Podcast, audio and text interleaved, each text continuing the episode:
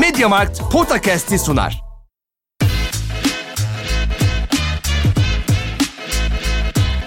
Potakast. Kaan Kural ve Orkun Çolakoğlu'yla NBA gündemine haftalık bir bakış.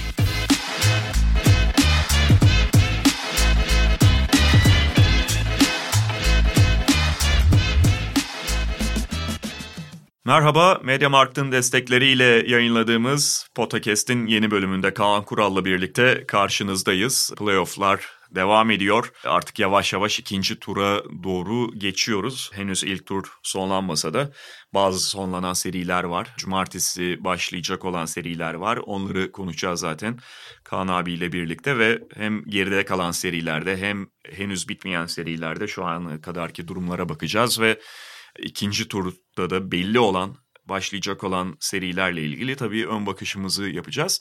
Ve tabii flash bir gelişme de var. Boston Celtics'te yaşanan değişiklikler onlara da değiniriz birazdan Boston Celtics'i konuşurken. Kaan abi öncelikle sana şunu sorayım. Playoff heyecanı devam ederken tabii şimdi hani herkesin herhalde maç izleme sıklığının daha yoğun olduğu bir dönemdeyiz. Kaldı ki Avrupa Şampiyonası da geliyor ama biz kendi konseptimiz içinden devam edelim. Sen evde nasıl bir sistemle neler yapıyorsun? Maç heyecanını nasıl izliyorsun? Gecenin bir vakti sesi köklüyor musun? Yok abi işte. Ya şöyle Mediamarkt'ta her tür ürün olduğu için hani bize de zaten sağ olsunlar ürün kataloğundan yollamışlar. Bu programdan önce bahsedelim diye. Her şey var. Sonuçta NBA izliyorsan abi abi kulaklık lazım ya. Yani gece sonuçta hani herkes senin gibi dinlemiyor tamam mı? O yüzden ben yani kulaklık tarafına daha çok baktım ama ses sistemi de var mesela. 5 artı bir sistem. Hı hı. Avrupa Şampiyonası'nı çok seyretmiyorum ama onu alacak insan da o deneyimi şey çok iyi abi. Teknoloji öyle bir yere gelmiş durumda ki hem görüntü hem ses olarak gerçekten o atmosferi yaşayabiliyorsun. Mediamarkt'taki zaten geniş yelpazedeki her şeye baktığın zaman istediğin her şeyi de bulabilirsin. Ben şimdilik kulaklık tarafıyla ilgilendim daha çok abi. İnsanlara rahatsızlık vermeyelim. Aynen öyle. Ya sadece evdekileri değil abi. Ya çünkü o sesi açmadan tam olarak hakkını vermeden dinlemenin de bir anlamı yok. O saatte de çok açamıyorsun. NBA için en azından. Ama diğer spor müsabakaları için tabii o deneyimi zenginleştirecek bir sürü şey yapılabilir. Kökle sesi diğerlerin daha makul saatlerde ya da erken NBA maçlarında. Abi 5 artı bir sistem çok acayip bir şey. Bu arada filmde falan da inanılmaz oluyor. Bu özellikle 5 artı bir ses düzeni olan filmlerde gerçekten mesela arkandan geçiyor araba falan filan böyle. Aha. öyle hissediyorsun. O hakikaten deneyimi çok zenginleştiriyor. Peki şimdi Doğu Konferansı ile başlayalım. Boston'a da hani Brooklyn Boston serisi üzerinden geliriz istersen. Boston'da yaşanan değişikliklere. Philadelphia Washington'ı geçti. İkinci tura adını yazdırdı. Beklenen bir şey ama tabii yolda bir kayıp vermiş olabilirler. Bir kayıp ama herhangi bir kayıp Nasıl değil. kayıp? Yani şöyle şimdi Joel Embiid'den bahsediyoruz tabii. Embiid'in devam eden maçlarda bundan sonraki bölümünde playoff'un oynaması bekleniyor. Hatta yani belki ikinci turun ilk maçında da sahada olabilir. Fakat nasıl oynayacak? Şimdi menisküsünde kısmi ve çok ufak bir Yırtık. yırtık var. Hani direkt oynamasını engelleyecek boyutta değil. Ama tabii ki yüzde yüz de olmayacak ve mesela geçmişten bazı örnekler konuyla ilgili uzmanların tweetlerini falan gördüm. Andrew Bynum örneği vardı mesela 2010. 2010'da Andrew Bynum benzer bir sakatlıkla biraz daha böyle menisküsün yan tarafındaki idare edilebilen sahaya çıkabildiği ama hareketini de kısıtlayan bir sakatlıkla menisküs yırtığıyla oynadı. Ve ben hatırlıyorum Andrew Bynum sezonu çok iyi geçirdikten sonra o playoff'ta tamam belki Pau Gasol ve Andrew Bynum ilk beş çıkıyor ama arkadan Lamar Odom'u getirdikten sonra esas olarak zaten Lamar Odom'la maçları kapatma niyetinde oluyordu Phil Jackson. Ama bu sadece bununla alakalı değildi Lamar Odom ve Gasol'ün öne çıkması. Bynum da çok kısıtlanıyordu. Sahada görebiliyordun. Hatta yanlış hatırlamıyorsam şöyle oluyordu. Maçları iyi başlıyor. Dakikalar ilerledikçe mobilitesi falan iyice azalır hale geliyordu. Çünkü ödem problemi oluşuyor. Andrew Bynum'un.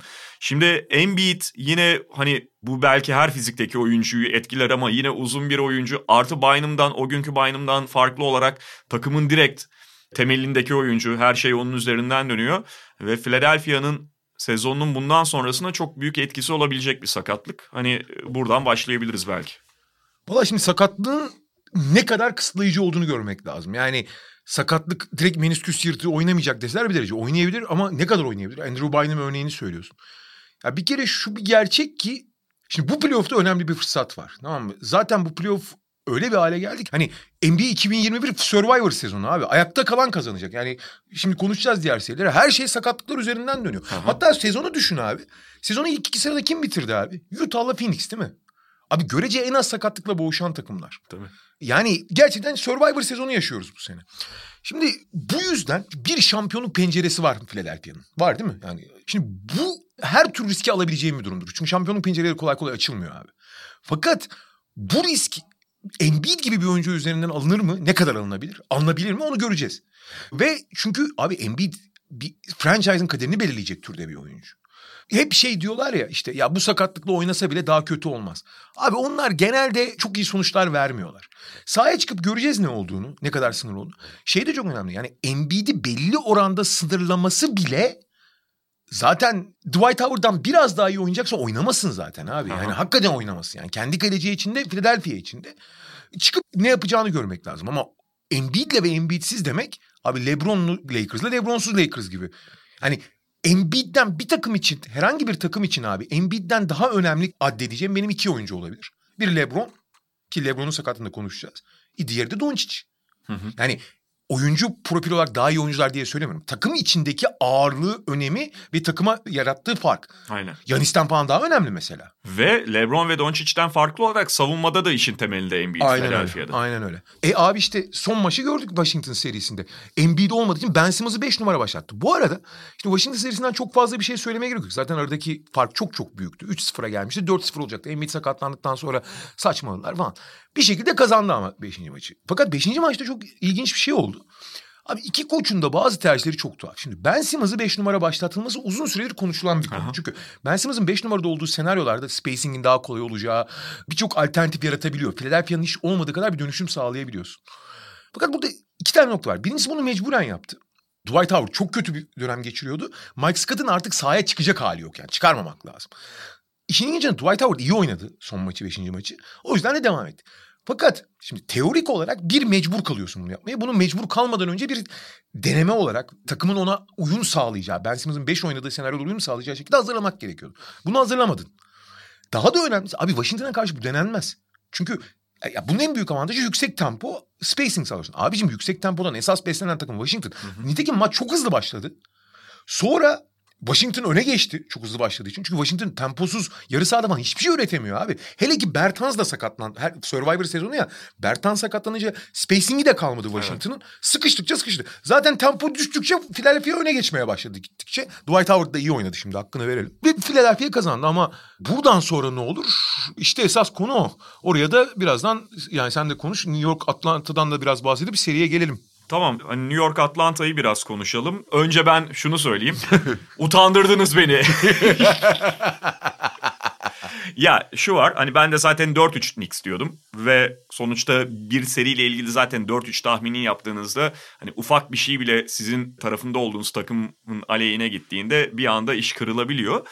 Ufak bir şey de ters gitmeli. Yani şöyle zaten genel hatlarıyla değerlendirdiğimizde Atlanta'nın hücumunun ağır basacağını New York'a göre ben de tahmin ediyordum. New York'un da savunması buna karşılık ağır basacak ve New York'un savunması Atlanta'yı biraz aşağı çekerken New York'ta belli bir ölçüde normal sezonda olduğu kadar olmasa da ona yakın düzeyde hücum edebilir diye düşünüyordum. Başta da tabii ki Julius Randle'la birlikte. Mesela Julius Randle'ın Atlanta'ya karşı normal sezonda harika oynadığından, 3 maçı harika oynadığından bahsettik. O kadar domine edemez tahminde bulunuyorduk. Ama yani Bal bu kabağına Julius. Randle'ı kimse beklemiyordu. Bal kabağına dönüştü. Aynen bal kabağına dönüştü. Araba bal kabağı oldu. Şimdi şut bal kabağı oldu. Şimdi şunu söylemek lazım. Ben şey yorumları falan da çok gördüm. Yani zaten yıllardır en sevilen klişelerden biridir. Normal sezonla playoff birbirine be- evet benzemez. Playoff'ta tabii ki özellikle belli eşleşmelerde, özellikle belli takımların savunma dozajı çok daha farklı oluyor. Fakat Julius Randle'ın yaşadığı rakip takımın savunmasının normal sezonda karşılaştıklarından çok daha farklı ya da çok daha gelişmiş olmasıyla alakalı bir şey değildi. Normal sezonda çok seyrettim ben New York Knicks'i ve Julius Randle. Gerçekten iyi savunmalara karşı da yani yuh dedirten şekilde el üstü de sokuyordu. Onun üstünden bir avantaj alıp topu yere vurarak da gidiyordu. Burada öncelikle evet Atlanta biraz daha çalışmış olabilir. İşte itinayla mesela sağını kapattılar. Çünkü şut atarken sağına vurup atmayı seviyor falan bunları engellediler. Ama öncelikle bir mental bariyeri aşamadı Julius Randle ve yani ilk maça kötü başlaması sonrasında arkasını getirdi adeta. kendini bulur gibi olduğu tek bir bölüm var. İkinci maçın ikinci yarısı. Orada çünkü New York takım halinde aktı gitti ve o seriye kapıldı o da. Ama bunun dışında o baskıyı üzerinde takımın yükünü omuzlarında hissederken sürekli olarak dağıldığını gördük Julius Randle'ın. Ben bu kadar bir dağılma açıkçası beklemiyordum. Ben önce ulan geçen orijinal formuna döndüm. Orijinal formundan bile geriye gitti. Yani o mental bariyere çarptı kafayı. Kafayı çarptıktan sonra kafa atmaya başladı ve tamamen dağıldı. Yani sahadaki zaten dikkat edersen maçı 5 maçını 3 kere rakibe kasıtlı vurdu. Bir tane Bogdanovic attığı yumruk var falan. Yani iyice sinirlerinin bozulduğu yani artık hakikaten cinnet haline girdiği çok belliydi. Yani hani dağıldı. En büyük fark. Fakat abi Julius Randle'ın bu bal kabağına dönüşme süreci ve hani bu sezonki hücumundaki yerini düşünürsen New York'un çok önemli ve zaten New York iyi hücum edebilen bir takım değildi. Yani kurgusu itibariyle. Julius Randle'ın bu büyük çıkışı onları en azından ehvenişer hale getirmişti. O harika savunmayla gidiyorlardı. Burada göz ardı edilen bir nokta var. Herkes Julius Randle'a baktığı için. Abi R.J. Barrett de çok kötü seri geçirdi. Evet, evet. R.J. Barrett bir tek dördüncü maçı iyi oynadı. Kendi standartını oynadı. İyi bile demin. O da fecisi. Abi senin en iyi hücumcun zaten sınırlı bir hücumun var. En iyi hücumcun kötü falan değil. Tamamen dağılmış oluyor. Abi ikinci hücumcunun da alakası yok. Ve bu yüzden abi Derrick Rose'un özellikle ilk üç maçtaki o olağanüstü performansına ihtiyaç duyuyorsun. Fakat Derrick Rose'u oynattığı zaman bu sefer savunma da düşüyor. Çünkü o zaman savunmanın ilk attığı şey oluyor. Otomana dönüşüyor bir anda. E böyle dengesizlikler olunca yani hele playoff gibi bir ortamda Atlanta gibi belki tecrübesiz, belki bu sertliği çok karşılamadığını düşündüğüm bir takımın da abi yetenek farkını kapatamıyorsun. Zaten açık zaten yetenek farkını. Sen, sen aradaki yetenek farkını eforla kapatman lazım, atmosferle kapatman lazım. İşte ivmeyle, momentumla kapatman lazım. Abi onların kapatacak açıklık kalmıyor ki abi öyle bir yetenek farkı var ki ara, arada yani. En nitekim tek maç kazandı New York. O da 17 sayı öndeydi Atlanta o maçta. Yani Aha. acayip bir dalgayla kazandılar o maçı. Orada da Atlanta krize girdi. Evet. Bir yani aslında iyi şutlar bulmuşlardı. Zaten Bogdanovic Galinari esas hani ekstra şutları daha doğrusu takımın ürettiği şutları bitirenler onların kötü şut attığı tek günü kaybetti. Tek şey, devreyi hatta tek devreyi kaybettiler. Ama hani Atlanta için nitekim Survivor sezonunda onlar da görece şanslıydı. Çünkü DeAndre Hunter'a kavuştular. Cam Reddish dışında tam kadroya dönüştürmelerin de büyük avantaj. Hı hı. Bir taraftan. Ama yani New York o kadar sınırlı kaldı ki Atlanta'yı evet özellikle Trey Young'ın bu Madison Square Garden'daki atmosferi çok olumlu devşirmesi ve bir villain karakterini çok iyi özümsemesi ve bundan acayip güç devşirmesi. Abi 10 yıllık playoff oyuncusu gibi oynadı yani en azından vücut dili falan olarak. Bunlar çok başarılı olsa da abi New York'un hiç tek dişi kalmış canavar, tek dişi bile kalmamış canavardı yani. Şimdi Philadelphia Atlanta'ya geçelim. Tabii yani başladığımız noktaya biraz dönüyor olacağız ama Embiid'in durumunu bilmeden bu seriyle ilgili yorum yapmak hiç kolay değil. Hı hı. Maç kaçıracak mı bir? Kaçırmadığında bile ne kadar olacak? Çünkü şöyle çok kritik bir şey var. Philadelphia savunması ligin en iyilerinden biri ve bu sezon Embiid oynamadığında da çok iyi savunma yapabildiğini gördük Philadelphia'nın. Fakat şöyle bir şey ortaya çıkıyor. Atlanta onlara en ters gelebilecek takımlardan biri şu sebepten ötürü. Dribbling üstü şut atabilen birden fazla oyuncusu var Atlanta'nın. Üst düzey şut tehdidi olan. Yani başta tabii ki Trey Young. Üzerine Bogdanovic. Hatta Kevin Herter bunu yapıyor vesaire. Ama başta Bogdanovic ve Trey hatta Young. Galinari. Hatta Galinari. Ama hani top yönlendirici olarak iki ana aktör var ve sürekli ikisinden biri zaten oyun içerisinde oluyor.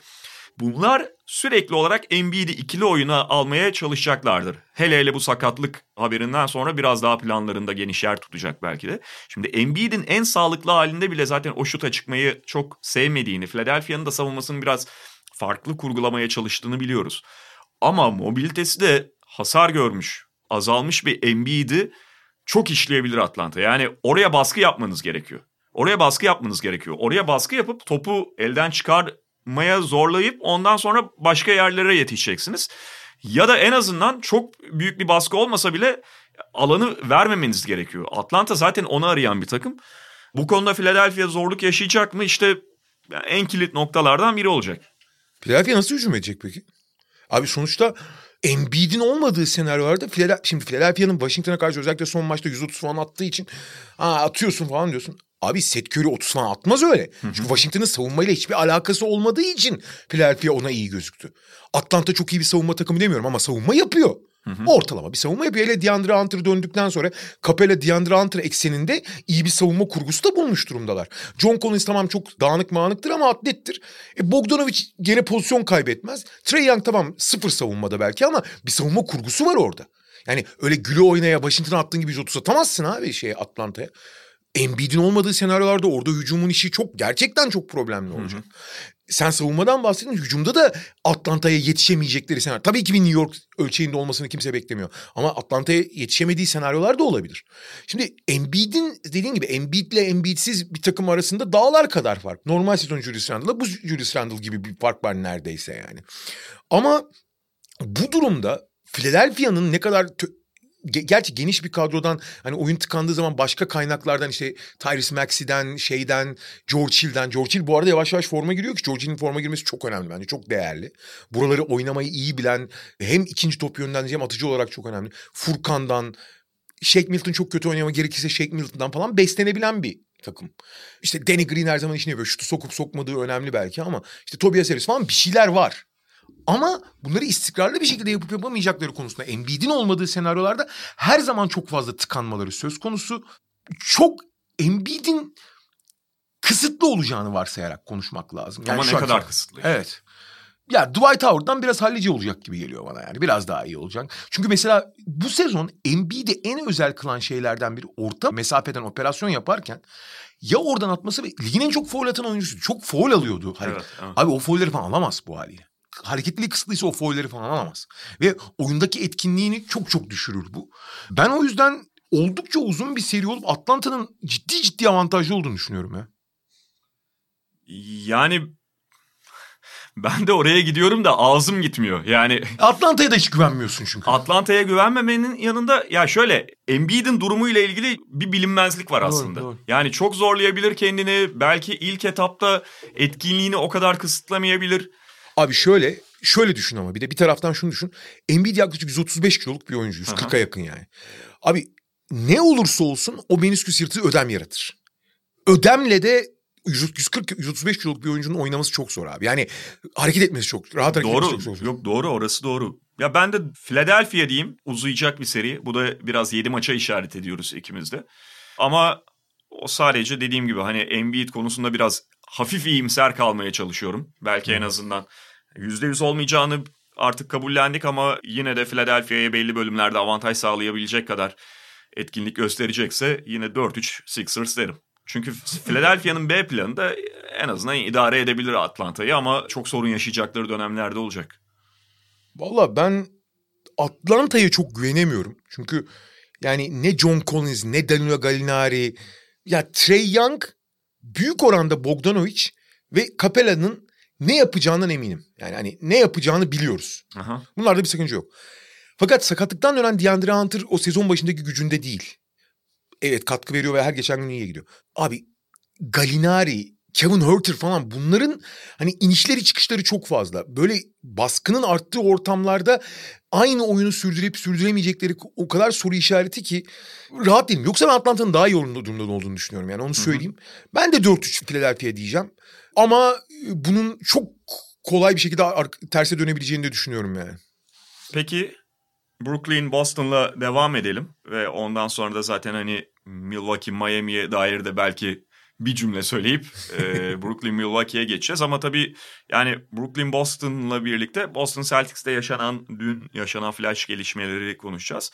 Brooklyn Boston'ı beklendiği gibi çok zorlanmadan geçti 4-1. Hani 2-1'e gelmişti seri büyük bir Jason Tatum performansıyla ama yani öyle bir dördüncü maç var ki resmen şey Celtics'in gücü yetmiyor ve bunu görüyorsun. Nets yetenekle kazanıyor.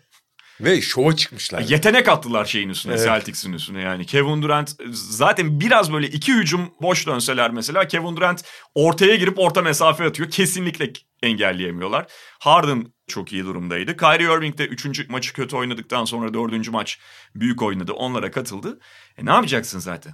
Ne yapacaksın bunlara karşı? Yani Jason Tatum her gün 50 atsa bile şansın azalıyor diğer üçü böyle oynarken. Böyle özetleyip hani senin söyleyeceğin bir şey yoksa Boston'da yaşananlara geçebiliriz. Çok kısa şeyi söyleyeceğim. Gerçi onu Milwaukee eşleşmesine aktarabilirim. Seri içinde şöyle bir değişim var yalnız. Abi serinin ilk iki maçında Brooklyn inanılmaz bir savunma konsantrasyonu. İyi savunma yaptıklarını iddia etmiyorum. Savunma konsantrasyonuyla oynayıp hücumda sırayla hücum etmiş ve Aha. çok sadece yetenekler bir, bir- tek tek hücum etmişlerdi. Sonraki maçlarda hücum biraz daha dengeye oturdu. Denge dediğim de yani o hücumun bir kurgusu falan olmaz. Olmasına gerek de yok bence. Çünkü bir hücumu kurgulamak işte işte belli paternler üzerinden oynamak, belli trafik pas trafikleri üzerinden oynamanın tek sebebi var. Abi yapılacak atışı kaliteli atışa dönüştürmek, kaliteli hücuma dönüştürmek. Abi bu- Brooklyn'in buna ihtiyacı. Brooklyn çok basit organizasyonlarla da o kaliteyi bulabiliyor. Oyunu basit oynamak, daha ilkel oynamak ya da daha kalitesiz oynamak anlamına gelmez ki. Basit halledebiliyorlar çünkü. Burada en kilit oyuncu James Harden abi. Çünkü James Harden onların abi Kyrie sıra bende, sıra sende Durant, abi bir tane de ben atayım gibi oynamasını gerekli kılmayan duruma, pozisyona, Ekmeği pay eden. pay eden ve gerekli doğru şekilde pay eden oyuncu. Nitekim son üç maçı öyle oynadıkları zaman çok daha yani onlar için artık verimlilikten bahsetmek ne kadar doğru bilmiyorum ama bir akıcılık ve belli bir patern oluştu. Şimdi o paterni oluşturduğun zaman da abi heriflerle baş edemiyorsun ki abi yetenek olarak. Ama diğer tarafta da belki hücumun bu kadar iyi olmasıyla bağlantılı. Belki bıktıkları, alışkanlıkları olmadığı. Belki de zaten sınırlı oldukları için savunmanın çok düştüğünü de gördük. Bu Boston takımı tek dişi kalmış. Abi Robert Williams yok, Kemba Walker yok, Jalen Brown yok. Abi Boston yine gayet iyi hücum ediyordu yani. Çünkü sıfır boyalı alan savunması. Sıfır yani. İnanılmaz bir savunma reboundu defekti. Birebir savunmadaki problemler falan derken Boston çatır çatır hücum etti aslında. Etti ama belli bölüm yani şöyle iyi başlıyorlar mesela en azından bütün maçlarda değilse de bazı maçlarda bunu gördük. İyi başlıyorlar ama şarjı çok çabuk biten telefon gibi. Ondan sonra arkadan gelenler biraz bench oyuna dahil olduğunda azalıyor. Ama o iyi hücum ettikleri bölümlere baktığımızda mesela Nets tarafındaki problemi konuşmak için söylüyorum. Sürekli Blake Griffin hedeflendi Evet. Boston tarafından ve yani Blake Griffin şu anda e, sonuçta Milwaukee'de benzer şeyleri hedefleyecek. Sahada tutulamaz bir hale gelmiş durumda Nets açısından. Zaten Detroit'ten geldiği gün ben onu onu söylemiştim. Şey de daha iyi gözüktü Nets'te. O bir ay e, rehabilitasyonda plazma tedavisi falan gördükten sonra dizi en azından fena duruma gelmemişti. Detroit için yürüyemiyordu biliyorsun. Yani tek bacağını sürüye sürüye yürüdü. Ama şu anda oynatılamaz abi Blake Griffin. Oynatılamaz. Yani yani. direkt hedefleniyor. Abi paramparça oluyor. Sonuç itibariyle Brooklyn zaten aşırı yetenek farkı vardı. E Harden da direksiyona geçtikten sonra her şey çok daha iyi. Çok rahat şeye geldiler yani turu atladılar. Eşleşmeye geleceğiz ama Boston'daki gelişmelerden bahsedersek çok bir tane beklenen bir tane de çok beklenmeyen şey oldu aynı karar içinde. Aynen yani Danny Ainge şöyle belki bu sene bitince Boston yine hayal ettiği sezon başında umduğu yerde olmazsa Ainge'in görevine son verilecek ya da Ainge ayrılacak gibi bir şey uzun süredir konuşulmuyordu. En azından kamuoyu bilgisi dahilinde olan işte medyada yer alan bir şey değildi. Ama Danny Ainge'in ayrılması çok şaşırtıcı da olmadı. Hatta mesela yönetim çevrelerinde bu konuşuluyormuş takımlar arasında. Brad Stevens'ın onun yerini alması dolayısıyla Brad Stevens'ın koçluğu bırakıyor olması esas şaşırtıcı olan. Ben mesela haberi ilk gördüğümde detayı görmediğim tweette şey dedim. Aa herhalde dedim hani geçmişte Thibodeau'nun falan yaptığı gibi koç artı GM oldu Brad Stevens. İlk etapta öyle götürecek işte en son Brad Brown'da Philadelphia'da gördüğümüz gibi acil durum planı olarak. Sonra bir baktım koçluğu bırakarak oraya geliyor. Onunla ilgili de hani şey haberi var. Brad Stevens'ın özellikle bu pandemi sonrası dönemde ki ben mesela futbolda da pandemi sonrası geçen sezon bubble'ı ve bu yılı bir sene olarak bütün değerlendirmek gerektiğini düşünüyorum. Çok yıprandığı söyleniyor. Biraz burnout olduğu söyleniyor. Herhalde öyledir yani. Abi herhalde öyle. Ben de ilk okuduğumda işte basketbol operations dediği zaman director yani bütün basketbol idari yönetiminin başına geldi. Yani genel bizim genel menajer diye bahsettiğimiz yani idari yöne, şeyin başına gelmiş. Onu ilk okuduğumda idari şeyin başına geldiği yazmıyordu. Herhalde Brad Stevens da kızağa çektiler. Yani bütün ekibi değiştiriyorlar diye düşündüm. Onu da hani biraz daha pasif bir göreve getiriyorlar falan diye. Halbuki tam tersine. Şimdi burada çok önemli bir iki sorun var abi. Şimdi Danny Ainge'in ayrılması senin de söylediğin gibi çok konuşulmasa da bir miktarda hani çok da sürpriz olmadı. Çünkü Danny Ainge 2003'ten beri Boston'da Evet. ve genel olarak başarılı bir genel menajer. Sonuçta abi genel menajerlikteki büyük kararlar tek bir büyük karar 10 tane küçük karardan daha önemli olabiliyor. Yani Markel Fultz, Jason Tatum takası bile 10 yıl boyunca hata yapmanı kabul ettirebilecek kadar iyi bir takas. o bir önceki drafttan Jalen Brown'un seçilmiş olması. Yani daha doğrusu Jason Tatum, Jalen Brown temelini bulmuş olmak zaten büyük başarı. Daha önce işte Kevin Garnett takasının falan etkilerini bırakın. Nitekim eğer detaylı bakarsan Danny Ainge'in oldukça şanssız olduğunu da söyleyebilirsin. Çünkü bu Jalen Brown, Jason Tatum omurgasını kurduktan sonra aslında Danny Ainge neyle çok eleştiriliyor? Elindeki kaynakları son derece cimri, son derece çekingen davranıp o kaynakları performansa dönüştürecek hamleleri yapmamakla eleştiriliyor ki bunda haklılar.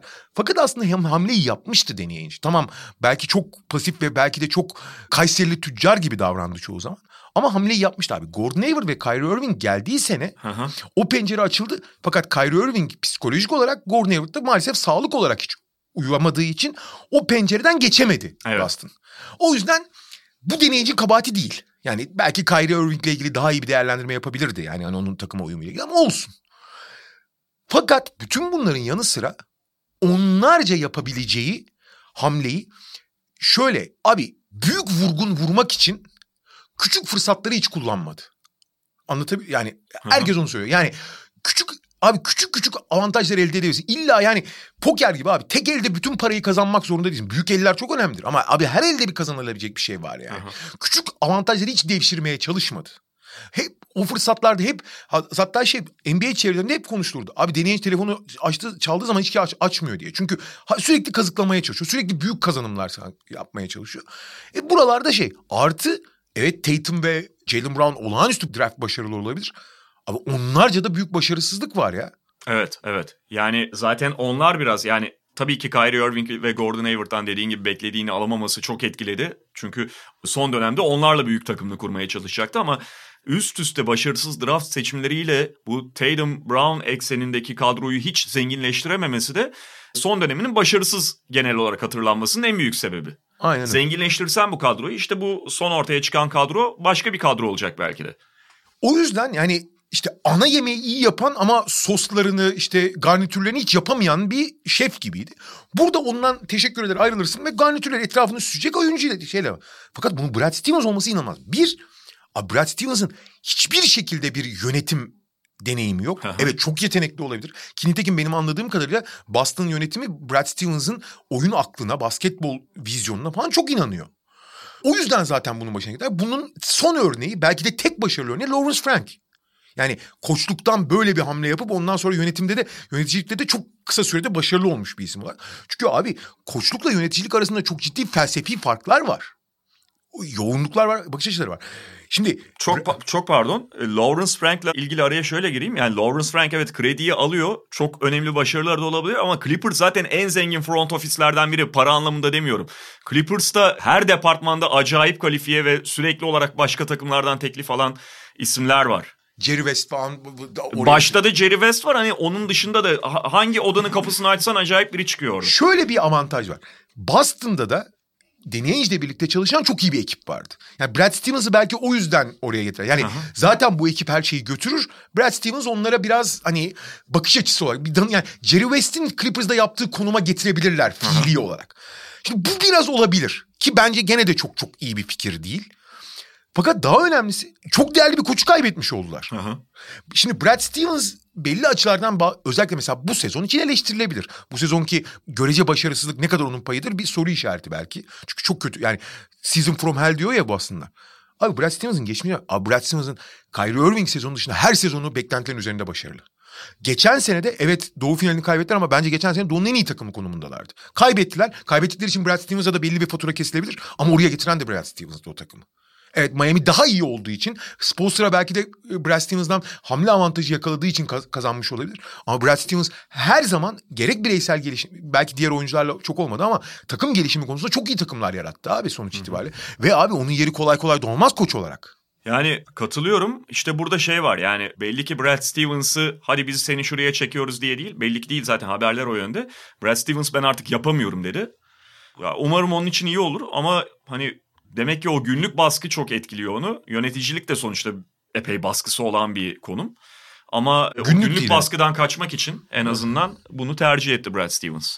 Bakalım koç kim olacak? Bir takım dedikodular var ama ben o dedikoduların hiçbirine prim vermiyorum. Doğru Ya yapıyor. ben de çünkü hiç Brad Stevens mantığıyla kafasıyla en azından düşündüğüm şeyle konduramadım. Yani Jason Kidd ne alaka? Yok o bence menajer şişirmesi. O isimler biliyorsun o isimlerin geçmesi o, o kişilere değer katıyor. Menajer Orada tek benim duyduğum mantıklı olabilecek aday Ime Udoka'ydı.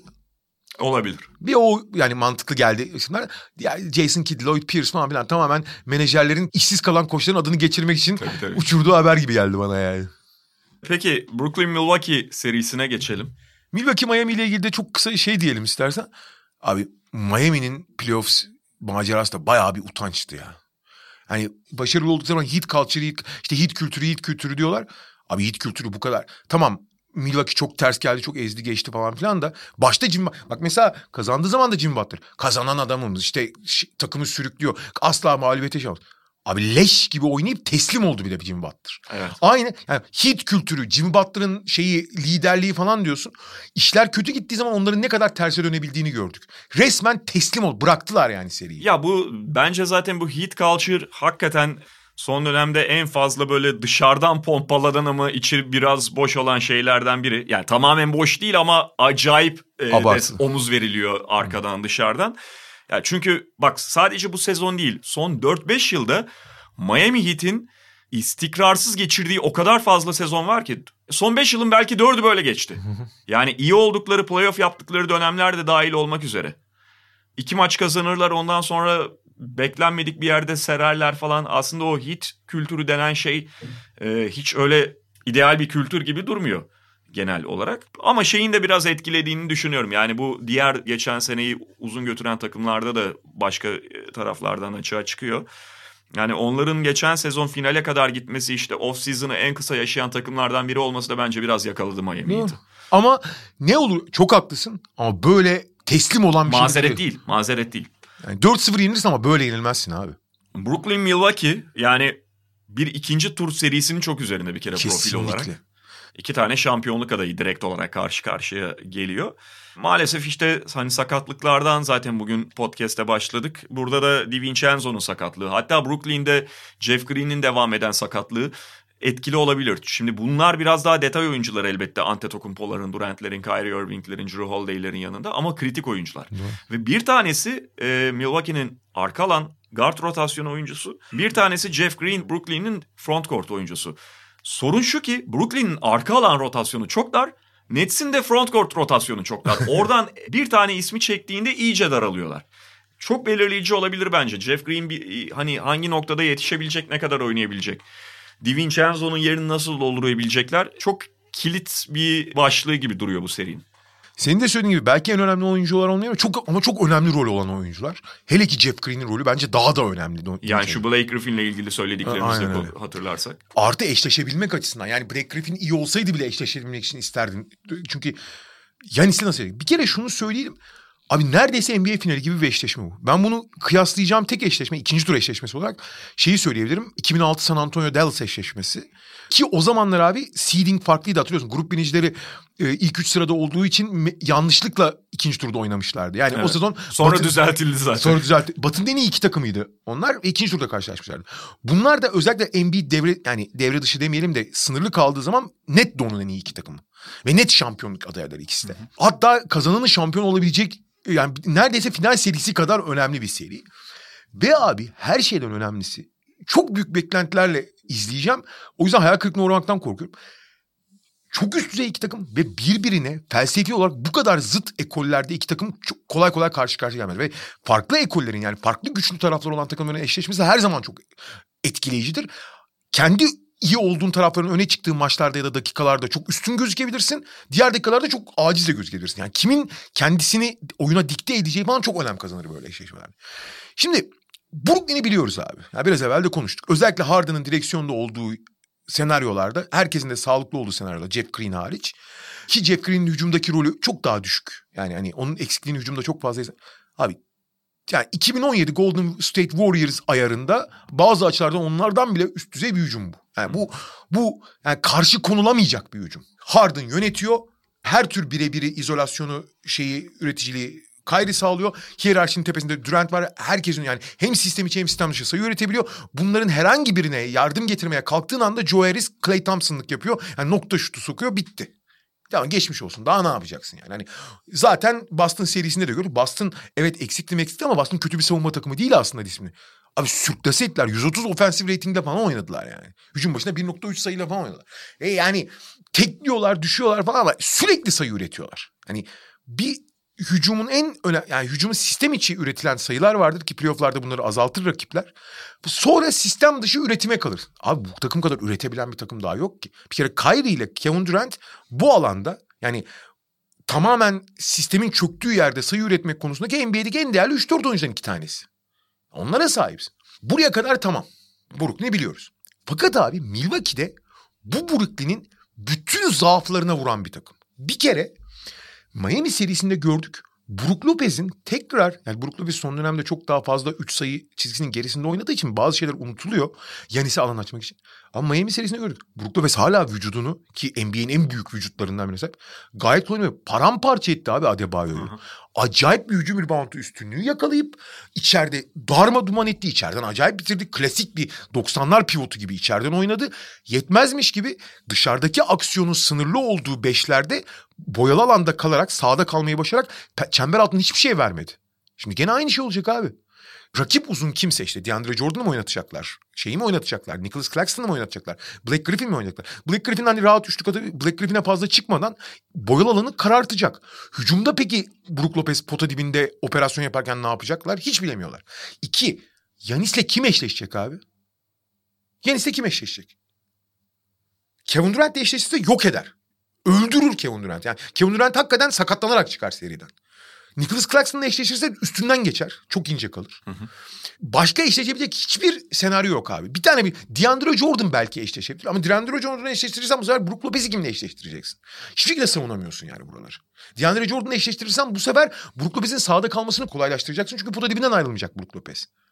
Black Griffin'le oynatmaya çalışsan Black Griffin de yanından sağından solundan gider. Abi Yanis gerçekten 40 sayı 15 reboundla ortalamayla oynayabilir yani. Bir. Hiç eşleştiremiyorsun. İki, Miami'nin en çok yapmadığı ve Brooklyn'in en çok zorlanacağı alanlardan biri transition savunması. Transition savunması takımdaki oyuncuların profiline baktığın zaman ne o disipline sahipleri o kadar ne o kadar koordineli gelebiliyorlar. Abi Milwaukee Ligi'nin en çok transition kovalayan takımlarından biri. Açık sahada paramparça ederler. Artı o Brooklyn'in olağanüstü hücumuyla görece eşleşebiliyorlar. Drew değil fiziğiyle çok savunma yapan ve o cambazlarla falan fazla uğraşmayan James Harden'la eşleşmemeli bence. Çünkü James Harden fizik olarak Holiday'in fizikli savunmasına hiç bana mısın demez hatta ezer. Fakat Kyrie'yi çok bozabilir abi Holiday. Yani Kyrie'nin o birebirlerini büyük oranda tabii ki sıfırlayamıyorsun ama bozabilir. Artı Kevin Durant'i Kevin Durant'e savunabil, savunmak diye bir şey yok Kevin Durant. Kevin Durant o kadar yukarıdan şut atıyor ki savunamıyorsun. Ama görece en zorlayabilecek iki oyuncu PJ Tucker çünkü hep vücuduna girerek savunuyor. Houston zamanında da yapardı. Hı hı. Hem de Yanis boyundan dolayı Durant'i mümkün olduğunca daha sınırlayabilecek iki oyuncuya da sahip. Bu acayip bir senaryo abi. O yüzden Harden zaten bu takım için çok kilitli. Bu seride daha da kilit olmak zorunda. Harden'ın olağanüstü bir seri geçirmesi lazım. Kesinlikle. Yani senin de özetlediğin gibi Milwaukee'nin Brooklyn'in silahlarına karşı daha net savunma cevapları var.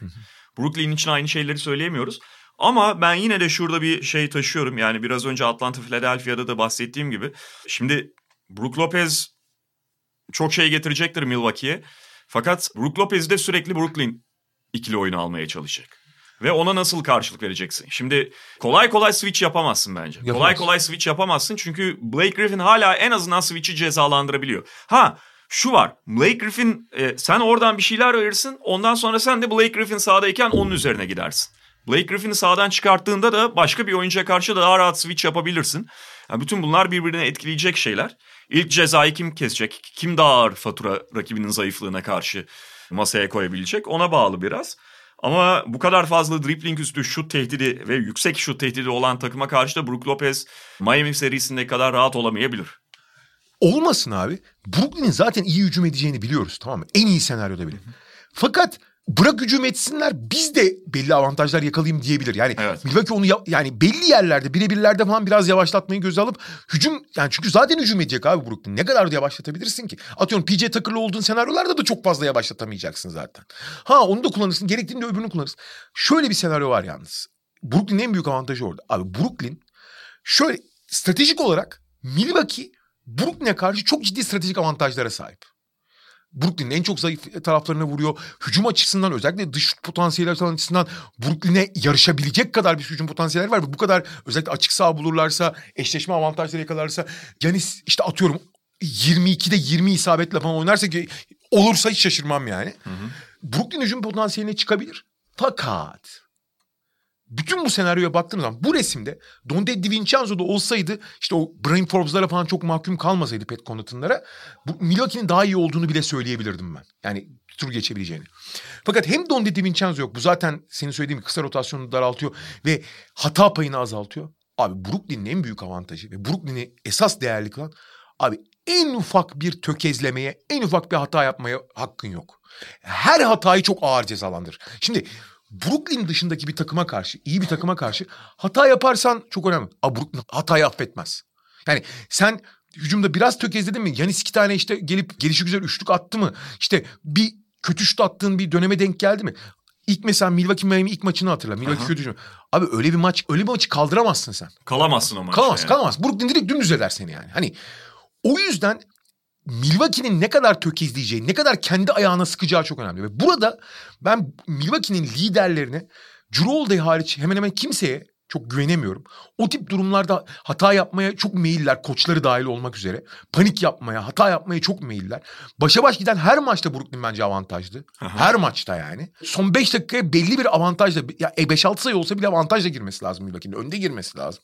Başa baş giden her maç Brooklyn avantajlı. İşte Brooklyn buralarda büyük avantaj sağlayacak bence. Evet ve hani DiVincenzo'dan bahsederek girmiştik.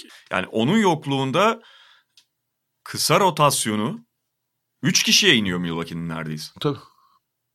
İşte Drew Holiday, Chris Middleton, DiVincenzo'yu oynatıyordun. Araya PJ Tucker falan koyuyorsun ama bu seride ne kadar geçerli olacak emin değilim. Kısa sayılmaz o. Yani İşte e, Pat Connaughton, Brim Forbes. Pat Connaughton, Brim Forbes ve Br- mesela Brim Forbes'u da e, Miami'deki kadar, Miami serisindeki kadar kullanabilecek misin? Kullanabildiğinde, sağda kalabildiğinde sana şu tehdidiyle evet önemli bir katkısı var.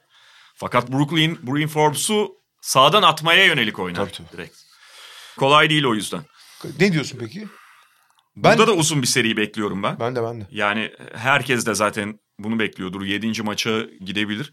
Şeyi düşünüyorum yani ilk maçlarda muhtemelen bir birle bir kere gelinir. Hı hı. Onu düşünüyorum. Sanıyorum 4-3 Brooklyn diyeceğim. Ben DiVincenzo olsa Milwaukee diyecektim ya. Ben de yakındım. Ben de yakınım ama bu işte DiVincenzo'nun olmaması ve oradaki backcourt'taki şeylik daralma çok az seçeneklerinin olması beni çok endişelendiriyor. Yani DiVincenzo şey, bir de transition içinde çok önemliydi abi. Toronto'nun zamanında Milwaukee'ye ve ondan önceki seride Philadelphia'ya karşı yaptığı gibi 2019'da 8 hatta zaman zaman 7 kişiyle oynaması gerekiyor Milwaukee'nin. Bunun altından kalkabilecekler mi emin değilim. O yüzden 4-3 Brooklyn diyorum. Ben de 4-3 diyorum. Ev sahibi avantajı falan da var ne olursa olsun. 4-3 diyorum ama DiVincenzo ile Jeff Green olsa daha da eğlenceli bir seri olacaktı. Yani. Kesin, kesin. Bu arada Jeff Green'in de bir noktada dönme ihtimali olması Brooklyn'e çok az da olsa bir avantaj getiriyor bence. Peki Doğu'yu konuştuk. Batı'yla devam edelim. Utah Memphis'in işini bitirdi ve rakibini bekliyor. Hı hı. Yani Memphis ilk maçı kazanmıştı ama Donovan Mitchell'da döndükten sonra Utah'ta hücumun taşları yerli yerine oturdu. Ve bu takım hani normal sezonda da gösterdi. Playoff'ta bir kez daha gösterdi. Çok üst düzey bir hücum takımı. Memphis'i kontrol etmekte zaman zaman başta John Morant'i kontrol etmekte zaman zaman zorlandılar. İşte Valanciunas'ın, Dylan Brooks'un destekleriyle birlikte Memphis başka bir rakibe karşı belki maç kazanacak kadar iyi hücum etti belli maçlarda ama Utah hücumunun çıtayı koyduğu yere yetişemiyor Memphis. Çoğunlukla bunu gördük. Aynen yetişemedi. İlk maçı kazanmalarının en önemli sebeplerinden biri de Rudy Gobert'in foul problemine girmesiydi. Donovan Mitchell'ın yokluğu dışında. Ama diğer maçları son maç hariç her maçı Memphis büyük bir iradeyle, büyük bir kararlılıkla aslında sonuna kadar oynadı. Fakat abi yani Utah'a yetişemiyorsun. Bir. ikincisi abi Utah son maç hariç ki gene abi sakatlık oldu. Mike Conley maalesef hamstringi evet ne kadar kötü değil. Ağrıyor dedi. Risk etmemek için oynatmamış olabilir ama biliyorsun sezon İkinci içinde... tura etkileyebilir. Sezon içinde de çok problem yaşamıştı onunla. Geçen sezonda yaşamıştı. Çok kötü bir haber ama son maça kadar Mike Conley olağanüstü bir seri yaşadı. Yani gerçekten bir sağ içi komutan gibi nerede gaza basıp nerede frene basacağını. Üçüncü maçta yanılmıyorsam e, Memphis'in geriden gelip öne geçtiği maçta 14-2 bitirdi maçı Utah. 14-2'lik bir seriye bitirdi ve Conley olağanüstü bir son çekti. Yani tamamen her şeyi kontrol ederek, ederek oynadı. Tek kelimeyle mükemmel bir seri geçirdi Mike Conley. E Utah gördük ki normal sezondan getirdiği stratejik avantajları işte kolay ve kaliteli 3 sayı üretme stratejisini, Gober'in üzerinden kurgulanan savunma stratejisini falan halen devam ettirebiliyor. Ve bunlarda normal sezondaki performansı playoff'a yansıtabiliyor. Evet bireysel belli formsuzluklar var. Başta tabii ki sakatlıktan ölen Donovan Mitchell çok çabuk adapte oldu. Fakat Jordan Clarkson çok kötü durumdaydı. Bir maç biraz toparlanır gibi oldu. En azından se- serinin ilk üç maçındaki kadar kötü değil biraz kendine gelmiş gibi gözüküyor. Hı hı. Ama onun zaten öyle bir lüksü var. Yani onun kötü oynama lüksü var. Daha zor maçlar için, daha zor seriler için tabii daha önemli onun forma girmesi. Ama kritik nokta burada Mike Conley olacak. Çünkü Mike Conley şöyle hiyerarşi yapsan Utah'ta en iyi senaryoda üçüncü sıraya yazarsın Mike Conley'i. Ki üçüncü sırayı yazmaya bilebilirsin. Yani Bo- Bogdanovic'in bile ondan önemli olduğunu söyleyebilirsin. Donovan Mitchell, Rudy Gobert'in en önemli iki oyuncu olduğunu şüphe yok. Fakat gerçek takım içi karar verici ve lider konumunda olduğunda Mike Conley'nin takıma nasıl bir seviye atlattığını bu seride gördük. Onun ne olacağı önemli. İngiliz, İngiliz son iki maçı kötü oynadı ama onu da göreceğiz. Ama sonuçta abi Memphis'ten hep bir adım öndeydiler. Ve karşılarına kim gelirse gelsin kendi sistemlerini belli seviyede oynayabileceklerini gösterdiler. Dallas Clippers birbirine girerken o seriye de çok daha artık özgüvenle bakıyorlar. Dediğim gibi Conley'nin sakatlığının durumu hariç. E, Memphis'le ilgili de benim beklediğimden çok daha iyi bir direnç gösterdiğini söylüyorum. Başta John Morant olmak üzere. John Morant çünkü oldukça verimsiz bir oyuncu bazı zamanlarda. Keza Dylan Brooks da öyle. Fakat ikisi de son derece istikrarlı, son derece verimli bir seri geçirdiler. Valanciunas'ın getirdikleri ve götürdüklerini biliyoruz ama onu da kullanmayı başardılar. Orada sorun şey oldu abi. Jaren Jackson Jr.'dan beklediklerini zaten bu sezon boyunca çok az alabilmişlerdi. Fakat sezon boyunca 10 kişiyle oynayan, 11 kişiyle oynayan, ilk beşine 28-30, ikinci beşine 20 dakika civarı veren takım abi yedeklerden hiçbir şey alamadı. Yani playoff atmosferine geldiği zaman bazı oyuncuların nasıl sahada kalamadığını gördün. Grayson Allen'lar işte Desmond Bay'den biraz bir şeyler aldılar. D'Anthony Melton'dan ben çok şey bekliyordum ama o da iki maçı iyi oynayıp diğer maçları kötü oynadı. Memphis'in daha tabii geleceği çok parlak yani. yani bu, bu nüve zaten orada. Çok gençler. Ee, Benim beklediğimden daha iyi bir playoff'tu ama Utah resmen yetişemediler yani. Yani diğer seriler bitmediği için artık burada şey yapmayıp seri seri gidelim Tabii, istersen. tabii, tabii, Phoenix Lakers'la devam edelim. Edelim. Phoenix 3-2 önde ve Lakers hani geride olmanın artık elenmenin eşiğinde olmanın yanında sakatlık problemi, ciddi sakatlık problemi yaşıyor. Lakers ciddi bir şekilde sahaya çıkaracak oyuncu bulma problemi yaşıyor. Evet yani şimdi iki senedir en çok konuştuğumuz şeylerden biri. LeBron James ve Anthony Davis bütün NBA'de temele yerleştirilen oyuncular arasında en fazla ağırlık arz eden oyuncular belki takımları içerisinde ve onlardan bir tanesi sakatlandığında, e, oynayamadığında Lakers'ın %50'si falan gitmiş oluyor. Anthony Davis'te bunu gördük. Artı zaten Anthony Davis sağlıklıyken bile yani Lakers bu seride 2-1 öne geçti 3. maçın sonunda. 2-1 öne geçerken bile e, sahada var olan bir problemleri vardı. İyi şut atamıyor. İyi şut atamama değil çok kötü şut atıyorlar. Ve bugünün basketbolunda bu şut performansıyla var olamıyorsun. Elinde LeBron James, Anthony Davis sağlıklı olsa bile çok zorlanıyorsun. Üçüncü maçın ikinci yarısında biraz iyi şut attı. Bir anda zaten hücumu açıldı Lakers'ın. Fakat problem yaşamaya devam ediyorlar. Ya Phoenix Suns da diğer taraftan geriye düşmüştü ama dördüncü maçta Chris Paul kendine geldi ve Anthony Davis dördüncü maçın ilk yarısında sakatlandı. Onun altını çizelim. Orada bunu çok iyi kullandı. Yani Lakers'ın şaşkınlığını, o tökezleme halini hemen değerlendirdiler. Beşinci maçta evlerinde zaten acayip bir taraftar desteğiyle de oynuyorlar. Devin Booker bu defa süper bir ilk periyot oynadı. Oradan yumruğu öyle bir indirdiler ki hiç Lakers ayağa kalkamadı. Ve her bakımdan şu anda Lakers'a çok üstün gözüküyorlar. Yani moral olarak, teknik olarak, oyun planı olarak 3-2'nin gösterdiğinden daha üstün gözüküyor seride Phoenix Suns. Ha yani bu gece 6. maç e, Staples Center'da işte dengeye gelir mi gelebilir. Anthony Davis'in durumunu bilmiyoruz. Caldwell Pope'un durumunu bilmiyoruz.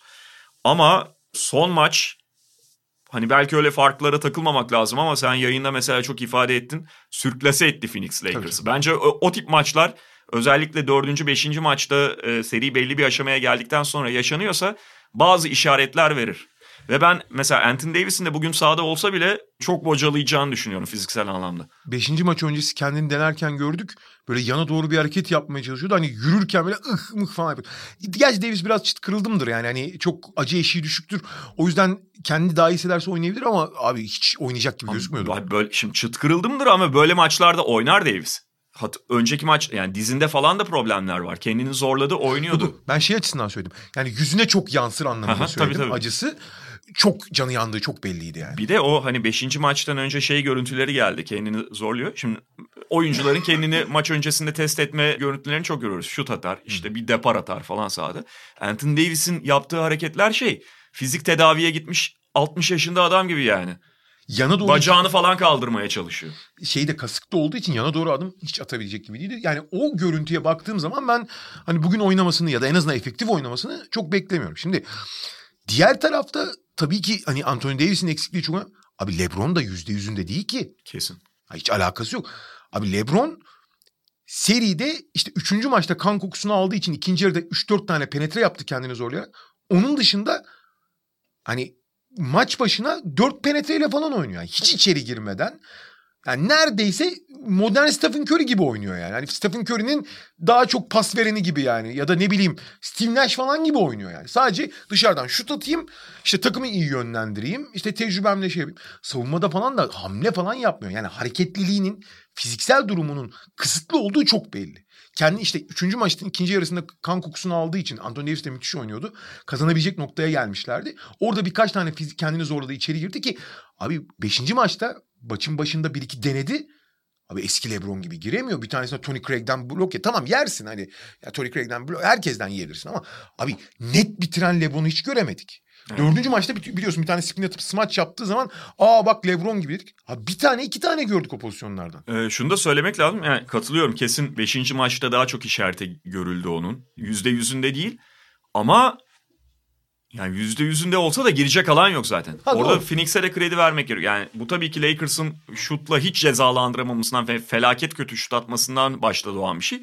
Ama Phoenix de çok disiplinli biçimde kapatıyor ortayı. çok disiplinli bir şimdi kapatıyor. Şimdi Michael Bridges'dan evet biraz zıp çıktıdır falan ama zaman içinde özellikle Miami'de falan disiplin kazandıktan sonra Jay Crowder da bunu öğrendi.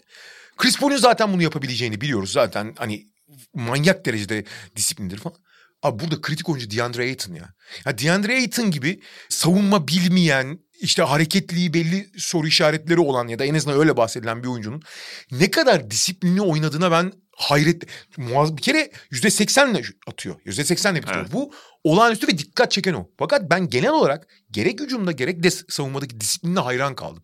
Mesela Anthony Davis'in iyi olduğu işte ikinci ve üçüncü maçlarda abi Aiton'un bir kere bile gereksiz bir hamle yaptığını, paniğe kapıldığını falan görmedim. İşte fiziğiyle doğru yerde duruyor. Anthony Davis bitiriyor. Bunu dert etmiyor. Mesela atıyorum doğru savunma pozisyonu oluyor. Anthony Davis tabii çok hareketli olduğu için ona oranla ya da çok yukarıdan bittiğin bitiriyor.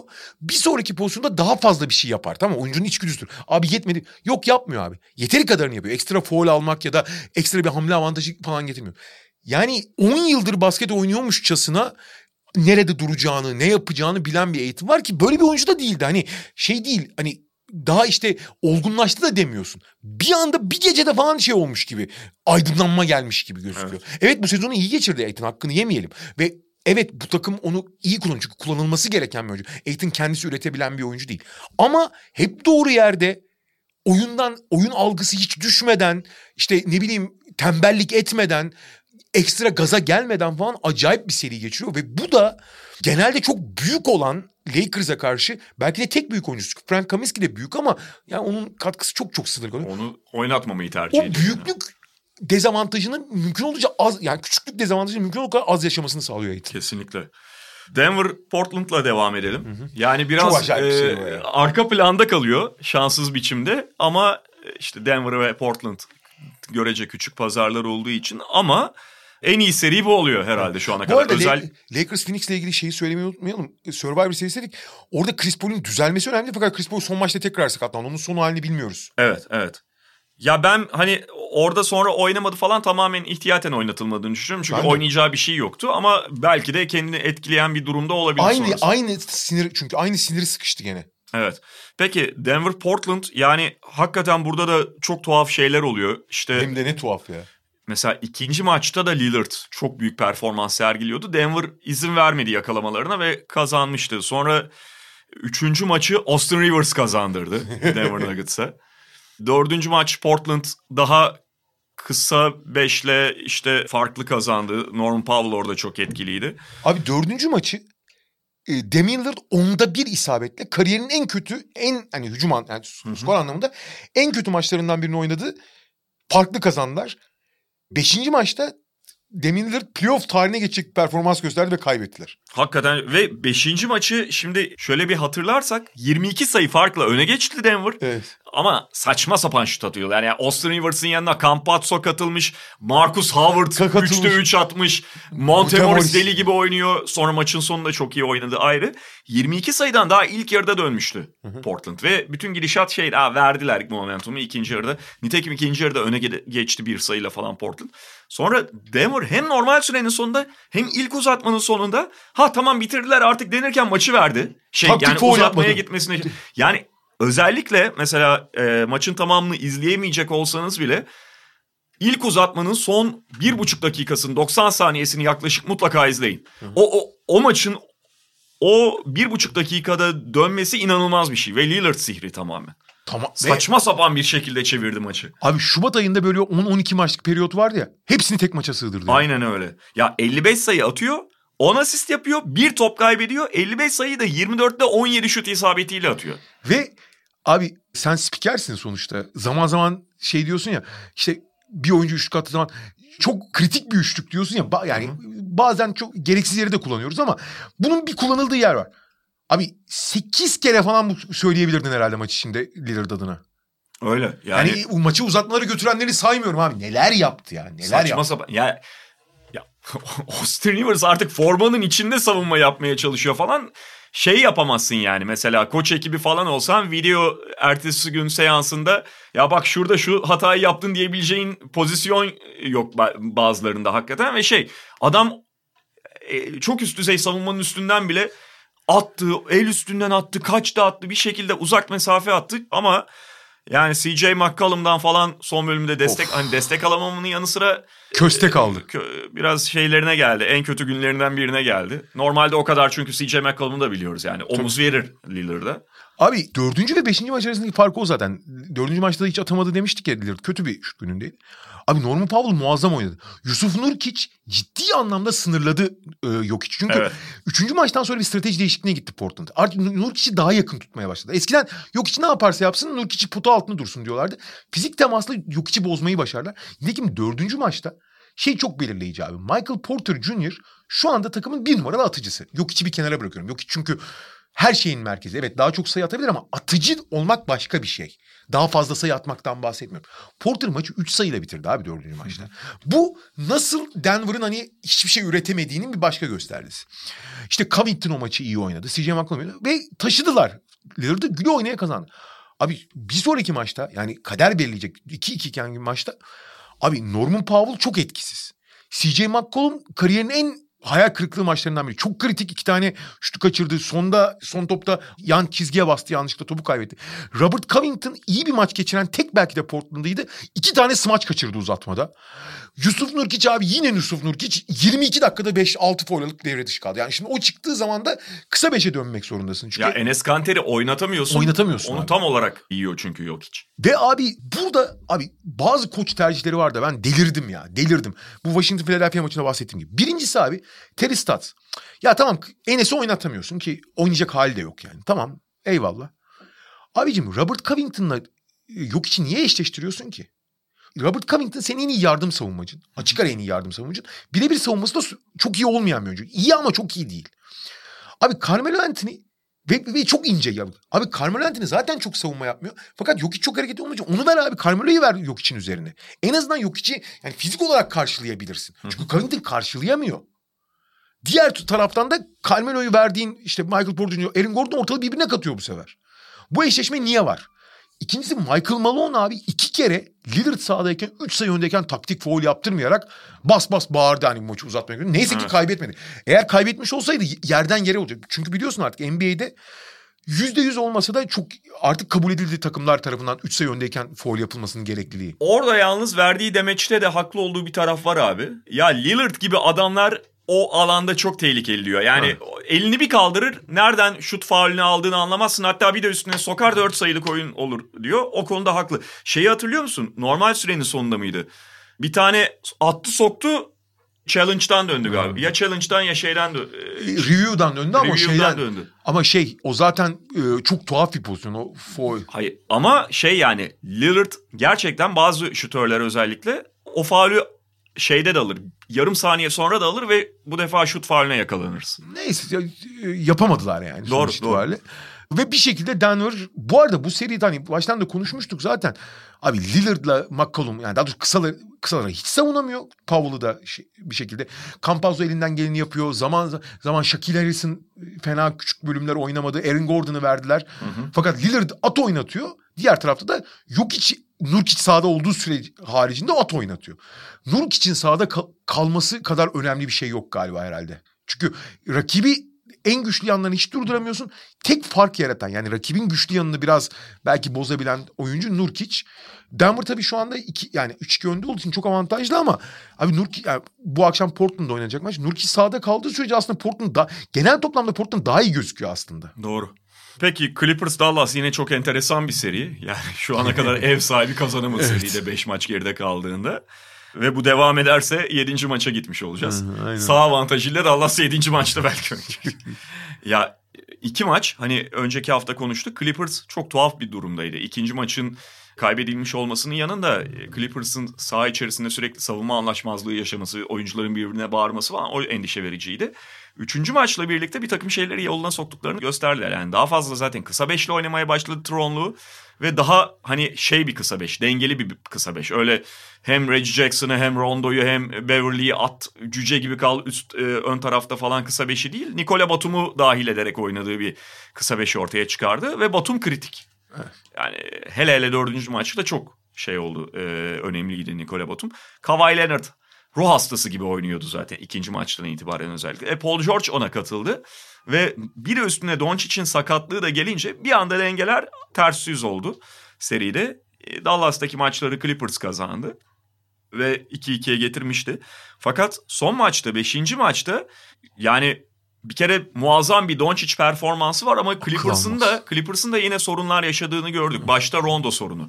Aynen. Bu playoff'ta şu ana kadar yaşamadıkları Rondo sorununu ilk kez bu maçta bu kadar ciddi yaşadılar. Çünkü bizim hep söylediğimiz bir şey yani ki Clippers'a geldikten sonra genel olarak bizi yanıltan bir performans vardı. Ama Rondo şut sokamadığında sana böyle bir problem haline geliyor. Sadece 6'da 0 atması değil mesele. Sürekli olarak onun üstünden gömülüyor savunma. Ve Rondo da sinire kestiği zaman iyice saçmalamaya başladı. Aynen öyle. Abi diğer tarafta da e, süper bir Doncic performansı. Yani 38 basketin 33'ünde eli olması ne demek bir oyuncunun? 37-31 değil mi ya? 38-33 mü? 38'de Neyse. 33 galiba abi. Ben bir daha bakayım. Ben Sen 37, başla 31. abi ben kontrol ediyorum. 37-31 diye hatırlıyorum ki abi sahada olmadığı dakikaları da çıkarırsan sahada olduğu sürede he- her 10 basketin 9'u onun sayesinde onun elinden çıkmış. Ya 60 ya bu inanılmaz ve savunmanın gösterdiği ilgiyi düşünürsen bunu yapabilmek inanılır gibi değil. Son maçta yalnız Rick Carlisle bir şeyleri değiştirdi ve e, Marjanovic ile başladı ve çok ciddi süre verdi. Dwight Powell'a da hiç süre vermiyordu Marjanovic'e de. Hep 5 dışarıda gibi oynamaya çalışıyordu. Fakat onları sahaya sürdü ve sahanın geometrisini biraz değiştirdi. E, bu Doncic'e belki hareket alanını biraz daraltmış gibi gözüküyor ama tam tersine bu oyuncuların yarattığı işte lob tehdidi yüzünden Doncic'in açılarını da değiştirdi. Ve Doncic abi yani iyi oynayan bir Kavayı bile denize öptü. Burada yalnız şöyle bir problem var. Abi Clippers'da zor zamanlarda falan hiç iyi karar veremiyor ya. Hiç iyi karar veremiyor. İki tane büyük problem oldu. Maçın sonunda herkes çok yorulmuştu. Başta Doncic ve Kavay. Kavay'ın abi yorulduğu zaman oyundan akıl almaz düştüğünü görüyorsun. Şimdi bazı oyuncular yoruldukları zaman işte şutu bozulur hani e- eli gitmez falan. Abi Kavay'ın bir yorulduğu zaman bacaklar bacaklar gidiyor. Hiçbir şey yapmıyor. Kavay ikinci yarıda ilk yarıda ve bütün seri boyunca olağanüstü oynadı Kavay. Doncic'le kafa kafayaydı neredeyse. Abi bu maçın ikinci yarısında Doncic de evet yorulduğu için oyunda düştü biraz. Fakat Kavay direkt Dallas lehine falan oynadı. 3 top kaybı 5'te 0 falan attı ve böyle eli kolu gitmiyor artık. Bu kadar bir oyuncunun bu, yani Kavay'ın fiziğiyle alakalı olsa gerek. Bu kadar düştüğünü görmek çok ilginç. Oralarda Paul George de biraz devreye girdi. Fakat yine de iş gidip gelip neye dayanıyor abi? Dış şut isabetine. Nitekim Dallas yine dördüncü maçı bir kenara bırakırsan yüzde 52 ile falan üçlük atıyor biliyorsun. Doncic'in iyi yarattığı pozisyonlarda. Yine sonunda ekstra bir şut performansı buldu. Brunson soktu, şey soktu, Tim Hardaway Jr. soktu. Park ona çıktı. Tam maç bitti dedik. Bu sefer inanılmaz bir şekilde Terence Mann ve şeyin çabasıyla, ekstra savunma çabasıyla Marcus Morris'in üçlüğüyle bir an tekrar maçı geri getirdiler. Son topta da bir sayı gerideyken topu al. Abi Paul George'un elinde. Tamam mı? Park bir sayı. Bir sayı geridesin. 10 sayıdan inanılmaz bir yerden gelmiş maç. 18 saniye var. Top elinde. Abi orada tenismene top mu verilir ya? Tamam tenismen harika oynadı falan ama tenismen abi çok genç bir oyuncu. Oralarda ne oldu tenismen koridoru buldu ama kendine güvenmediği için potaya atmak için saçma sapan bir yerde topu kaybettiler orada. Abi Paul George'sun sen ya. 18 saniye kala kader topunu kime veriyorsun abi? Yani şöyle herkes hata yapabilir. Demin Lillard'lardan falan da yapıyor. Yani en tecrübeli. Fakat bunlar Clippers'da bu kadar yoğun bir şekilde kritik yerlerde oyun aklının gitmesi, hiçbir şekilde oyuna akıl koyamamak falan akıl alır gibi değil yani. Gerçi maçın oraya gelmemesi gerekiyordu diyeceksin ki haklısın. Ama gelmiş bir şekilde abi bari kullan gelince. Yok ben de şunu söyleyeceğim. E, kesin katılıyorum ve yani normalde bak ben 3-2 geride olmasına rağmen Clippers'ı hala önde görmeye yakınım. Kağıt üzerinde zaten üstün ve her zaman Doncic bu kadar oynayamaz. Tabii tabii. Dallas'ın başka şeylerini kısıtlamaya başladılar. Başka evet. problemlerini Clippers halletti büyük ölçüde. Yani evet kaybettiler sonuçta hani ama kalan iki maçı kazanabileceklerine güveniyorum ben... bir taraftan. Fakat şu var. İşte senin bahsettiğin bu tip anlarda su yüzüne çıkan mental problemler, aksaklıklar Clippers'a. Şimdi bu defa elenmenin eşiğinde oynayacak. Bunun takım psikolojisine sahaya nasıl e, yansıyacağını bilemiyoruz, kestiremiyoruz. Ve hakikaten çok olumsuz etkilediğini görebiliriz. Geçen sene Bubble'da da Denver serisinin son maçında olduğu gibi. Yani saçmalayabilirler bir anda yine. Ve maçın içinde bir yerde Rondo Paul George'la bayağı bir bayağı bir laf etti falan filan. Evet, böyle. evet. Yani 2-0'a çok iyi yanıt verdiler. 2-0'dan deplasmanda iki maçı almak ve dönmek kolay bir şey değil. Ama bu defa kaybettiğin anda eleneceğin bir maçı oynayacaksın. Bu Clippers'ı mental anlamda etkileyip bozabilir mi? Onu görmek lazım. Yani hala Clippers'ın yoksa iki maçı tık tık kazanıp geçeceğini düşünü, düşünüyorum diyebilirdim. Bu arada evet iki maçı kazandı. Doğru oynayarak kazandı. Fakat abi o kazandığı maçlardan birinde Doncic ikinci yarıda biraz rahatsız. Üçüncü ma yani kazandı. Ya çok net kazandı Clippers'ın maçta Doncic sakat oynamış. Tabii tabii yani Ricardo Ayşe'yi falan dedi yani boynunu sola çeviremiyormuş. Hı-hı. Hani o çok e, kendini rahatsız eden bir durumdu. Sonra düzeldi biraz Doncic. Zaten beşinci maçta gösterdi. O biraz denge değiştiren bir şey. Bakalım ne olacak o da yarın gece, e, cuma gecesi oynanacak. Diyoruz ve bitiriyoruz. Mediamarkt'ın destekleriyle yayınladığımız podcast'ten bugünlük bu kadar. Haftaya tekrar görüşmek üzere. Hoşçakalın. Hoşçakalın. Mediamarkt Podcast'i sundu.